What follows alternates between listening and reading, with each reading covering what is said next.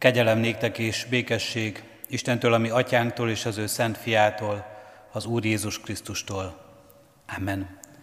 Foglaljunk helyet, testvérek! Szeretettel köszöntöm a gyülekezet tagjait karácsonyi urvacsorai előkészítő bűnbánati istentiszteleti sorozatunkon. Ennek a sorozatnak a címe a békesség, és a témája is a békesség. Erről szólnak estéről estére az ige hirdetések hozzánk. Énekléssel kezdjük alkalmunkat. Nagy Henrietta lelkésztársamat kérem, hogy vezessen minket az éneklésben. Jöjjetek című éneket fogjuk énekelni. Akik ismerik, azok kapcsolódjanak be ebbe az énekbe, és remélhetőleg minden este fogjuk énekelni ezt az éneket, és szerdára már talán azok is tudják, akik ma még nem, de ha eljövünk minden este, akkor egy énekkel mindenképpen gazdagabbak lehetünk. Készüljünk így az Isten tiszteletünkre az énekléssel.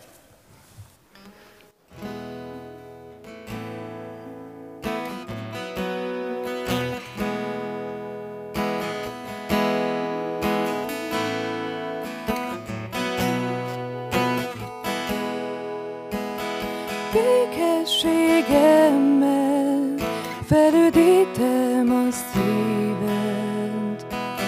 Vigyel a vízből, és ne szomjas többet.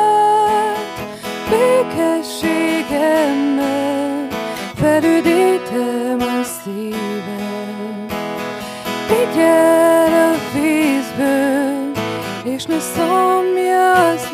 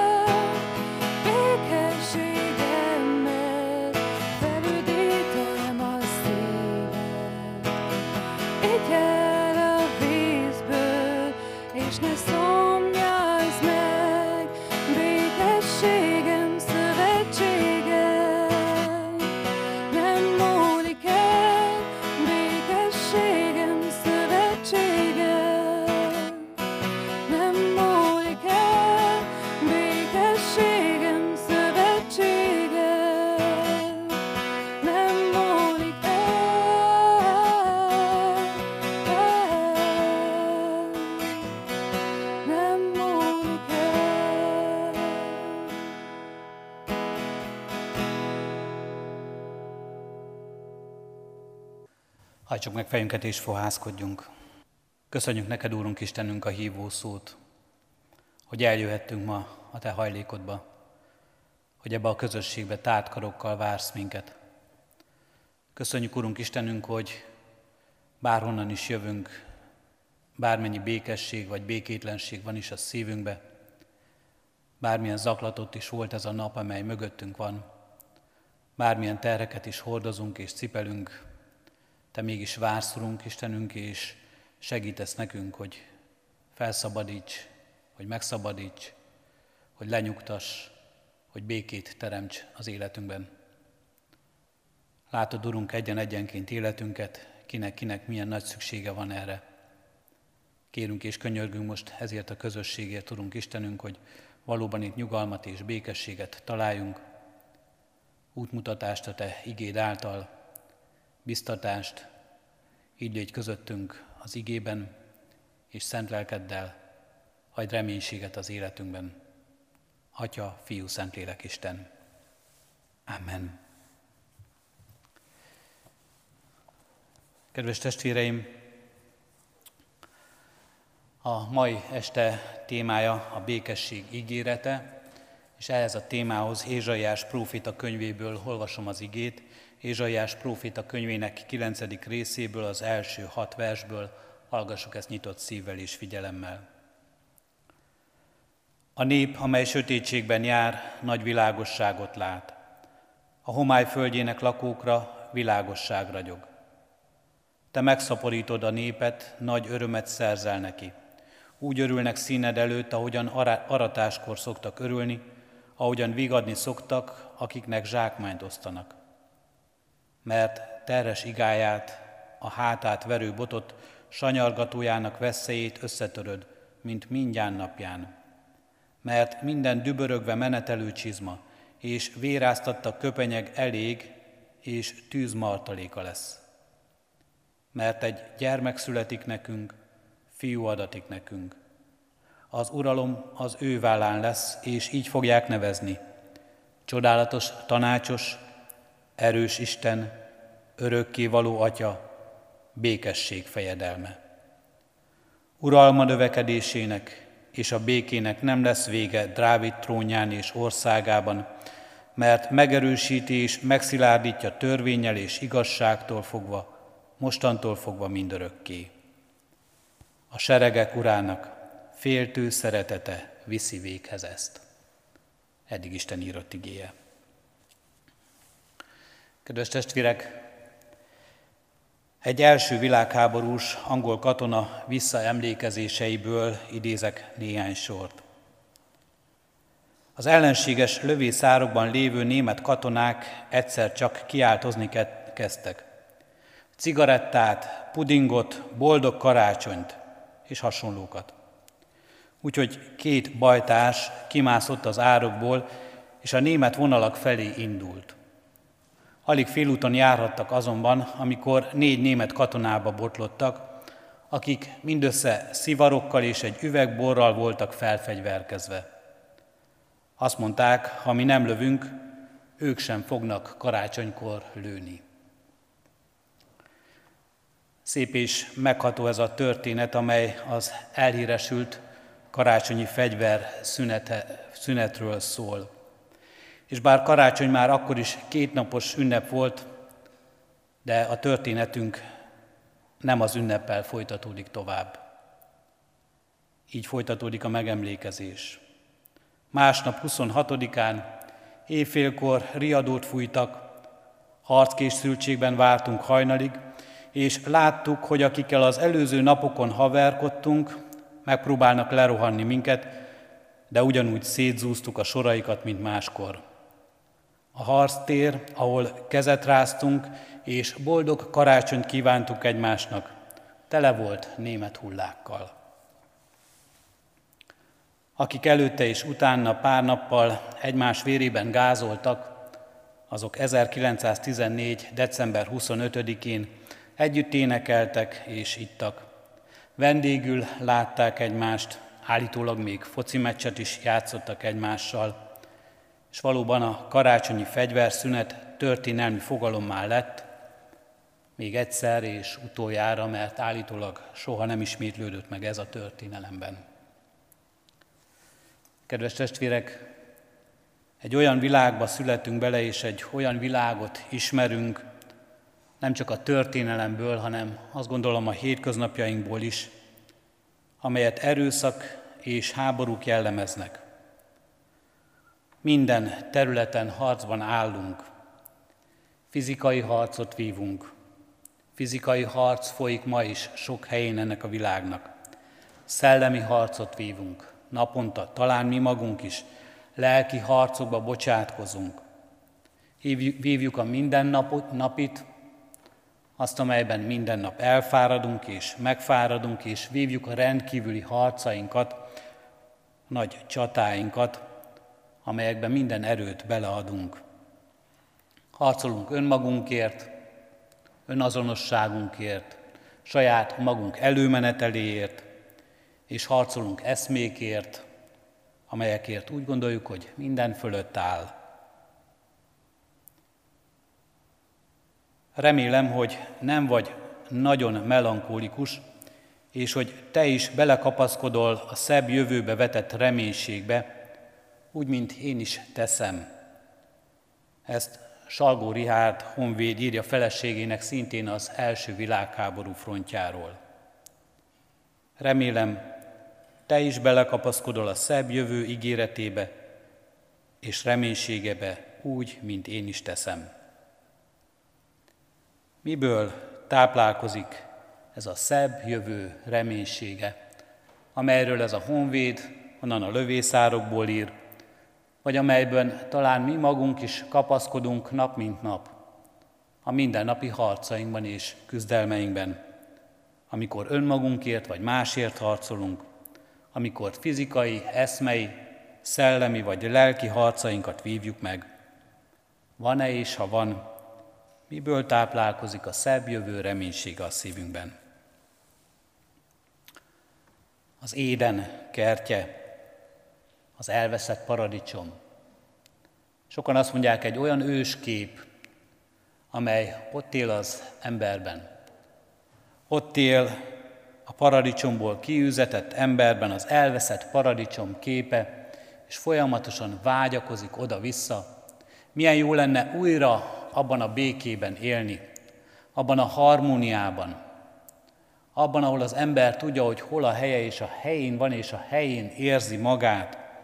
Így megélni ezt a közösséget egymással, embertársainkkal. Megélni ezt a közösséget, ezt a harmóniát a teremtett világgal, benne mindennel, amit Isten teremtett. Ott van az ember szívében, valahol az embernek az élete mélyén egy ilyen őskép, amelybe visszavágyakozik minden ember. Érdekes egyébként, hogy minden kultúra, minden vallás valahol megfogalmaz egy ilyen ősképet. Valahol a teremtettség, valahol a kezdetek kezdetén egy ilyen idilli állapotot, egy olyan világot, amelyben minden tökéletes volt, és minden szép. Állítólag ezért az emberek szívének mélyén, és ebbe vágyakoznak vissza az emberek, és nem mondanak le a reményről, hogy ez egyszer újra megtörténik. Azután természetesen a felvilágosult világunk nem lenne elég felvilágosult, ha nem gondolná úgy, hogy valahol nem az ideákban kell ezt csupán keresnünk, vagy nem valami rajtunk kívül álló valóságtól kell ezt várnunk, hanem önmagunktól. Immanuel Kant az örök békéről egy könyvet írt. Ezt a könyvet egy háborús borzalom és a békevágy szülte műnek tekinthetjük. Azért jelentős, mert a hatása tovább él a 20. században és a 21. században is ennek a műnek. Azt mondhatnánk talán, hogy az éppen sokat emlegetett Európai Unió is egyik ideológiai alapjának tekintheti ezt a filozófiai művet, és abban arról ír a filozófus, hogy az örök békét majd a józan emberi ítélő képesség hozza el. Az emberek józan eszére appellál. Azt mondja, a béke nem sorskérdés, hanem a béke megalkotható. Nem szerencsésnek kell tartani magunkat, hogyha az életünkben béke van, hanem küzdenünk kell érte és tennünk érte egész közösségeinkben. Nemzetközi szerződésekkel garantálható valóság, sőt, az emberi józan ész erre kötelezi az emberiséget, hogy ezt munkálja és ebben éljen. Tovább él ez a gondolat. Tovább él talán leginkább azt mondhatnám a vádban. Abban, amikor önmagunkat, a világunkat, a közösségeinket, akár a politikai közösségeinket vádoljuk a béke hiányáért, hogy miért nincs béke ebben a világban. Miért nincs béke? Mi alapozza hát meg a reménységünket, amely a béke ígéretéről szól? A Szentírás egyértelműen azt mondja, ez is az Úristenen alapszik. Isten ígérete az, amely erről szól.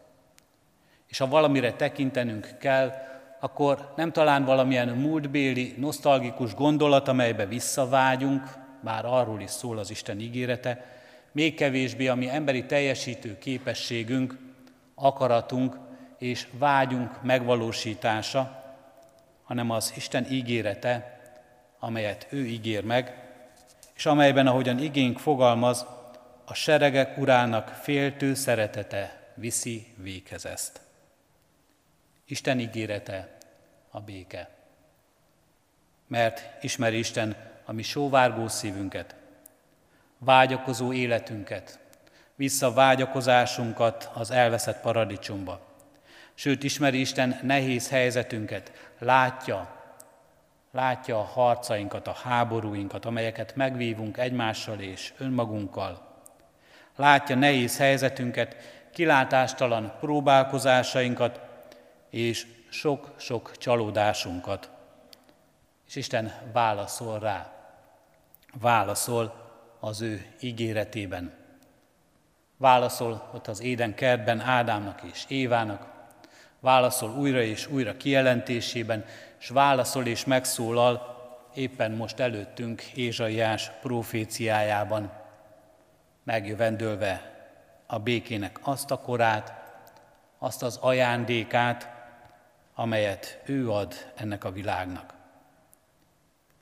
És ez a béke, amelyről Isten beszél és amelyet Isten ígér, azt látjuk az egész Szentírásban sokkal mélyebb és sokkal alapvetőbb jelentése van minden másnál, amire mi emberileg tudunk gondolni, amit mi emberileg elsőre elgondolunk abban.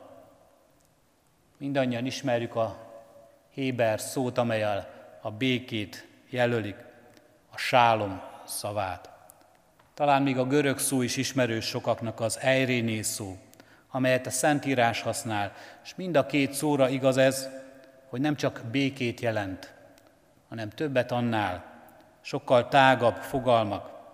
Szól az emberek egységéről, egyetértéséről, szól a külső békességről, szól még magáról az egészségről is, amikor a testünk van békében, harmóniában, a világgal és önmagával, amelyben élünk. Szól a közösségekről, amely összeköt minket egymással, a másik emberrel, és szól az Istennel való közösségünkről is ez a szó, az Istennel való egységünkről. Ezt ígéri meg Isten. Erről szól, ez kínálja számunkra. Kedves testvéreim, karácsonyra készülő gyülekezet, talán mindig igaz az életünkre, de most sokan valami sokan olyan dolgok miatt is félünk, aggódunk, amelyek miatt máskor nem. Vírushelyzetben féltjük önmagunkat a betegségtől, még inkább féltjük talán a közösségeinket, nem csak egymást, a szeretteinket, de féltjük azt, hogy mi lesz velünk, ha közösség nélkül maradunk, ha nem tudunk találkozni. Ha mindaz, amit a karácsonytól várunk, vagy amit leginkább a karácsonytól várunk a világunkban, az életünkben, az most elmarad. Hiszen a karácsony sokak számára éppen ennek a békességnek a megélése, az erre való készülés legalábbis, ha már oly sok csalódáson vagyunk is túl, mert nem sikerült megélni ezt. A találkozásban, a szeretteink közösségében, a közös asztal közösségben, az ajándékban, mennyi, mennyi minden, amely a közösségünkről, a közösségünkben való kibékülésről, együttélésről, szeretetről szól, hiszen leginkább így ezzel a szóval írjuk le ezt. És sokak számára nem csak ez a mai, nem csak ez a mostani, de a mostani karácsony és a karácsonyi készülédés és ünnep mégis sok zaklatottságról, teherről, feszültségről, kínos nyugtalanságról is szól, és ezek a felszínek is maradnak, és nem is jutnak el, és nem is vezetnek el a békességhez. Lehet, hogy ezért vágyunk, ezért beszélünk ilyen sokat ezen az ünnepen is a békességről. Mert érezzük és tudjuk, hogy erről kellene, hogy szóljon, de mégis távol marad tőlünk. Ézsaiás azt mondja, a fiú adatik nekünk. A fiúban pedig olyan békességet ígér, amelyről álmodni sem merünk. Nem fegyverszünetről szól ez az ígéret. Nem az erő egyensúlyról, nem egy politikai padhelyzetről, amikor senki sem tud erősebb lenni a másiknál.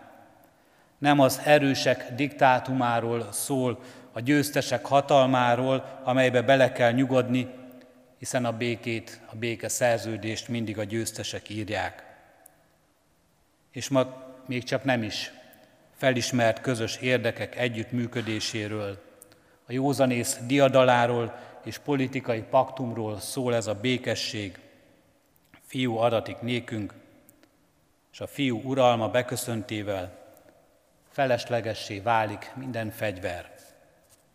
Nem csak az, amelyet kézbe vehetünk, amelyet egymásra foghatunk, amelyel egymásra lőhetünk. Feleslegesé válik minden fegyver.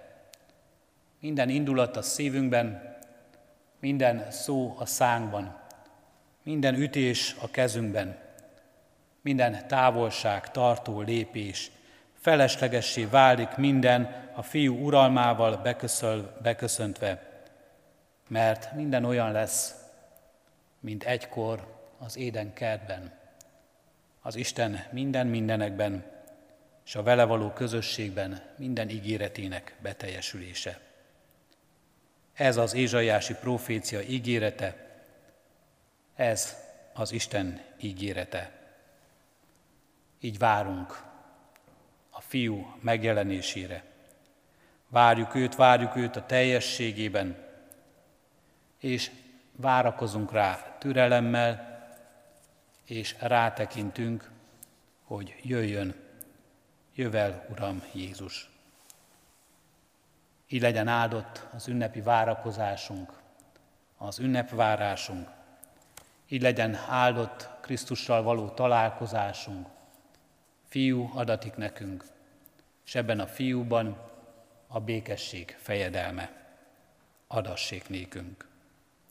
Amen. Hajtsuk meg fejünket és imádkozzunk. Áldunk is magasztalunk minden ígéretedért, amely beteljesedett, Urunk Istenünk. Köszönjük, Urunk Istenünk, hogyha nem csak tudhatunk ezeknek az ígéreteknek a beteljesedéséről, de meg is élhetjük az életünkben. Ha valóban nem csak hallunk a békességről, de a szívünk békességre juthat. Ha nem csak tudunk arról, Urunk Istenünk, hogy veled közösséget vállalhatnak az emberek, hanem mi magunk is tagjai lehetünk ennek a közösségnek. Kérünk és könyörgünk, így ajándékoz nekünk a legnagyobbat ebben az ünnepben, a fiút magát, a békesség fejedelmét. Kérünk és könyörgünk, Urunk Istenünk, így szolgálhassuk és így dicsőíthessük ebben az ünnepben ezt a fiút, a békesség fejedelmét, úgy, hogy mi magunk is békesség szerzővé akarunk lenni, a békességet akarjuk munkálni ebben a világban, úgy, hogy ezt tudjuk sugározni az életünkből, úgy, Urunk Istenünk, hogy ezzel tudunk rád mutatni.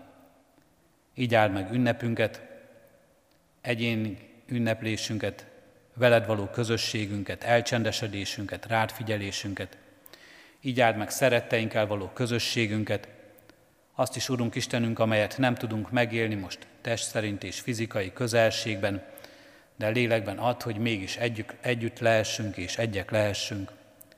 Így áld meg, Urunk Istenünk, a keresztény világnak minden ünnepét, hogy valóban rólad szóló és rád mutató ünnep legyen.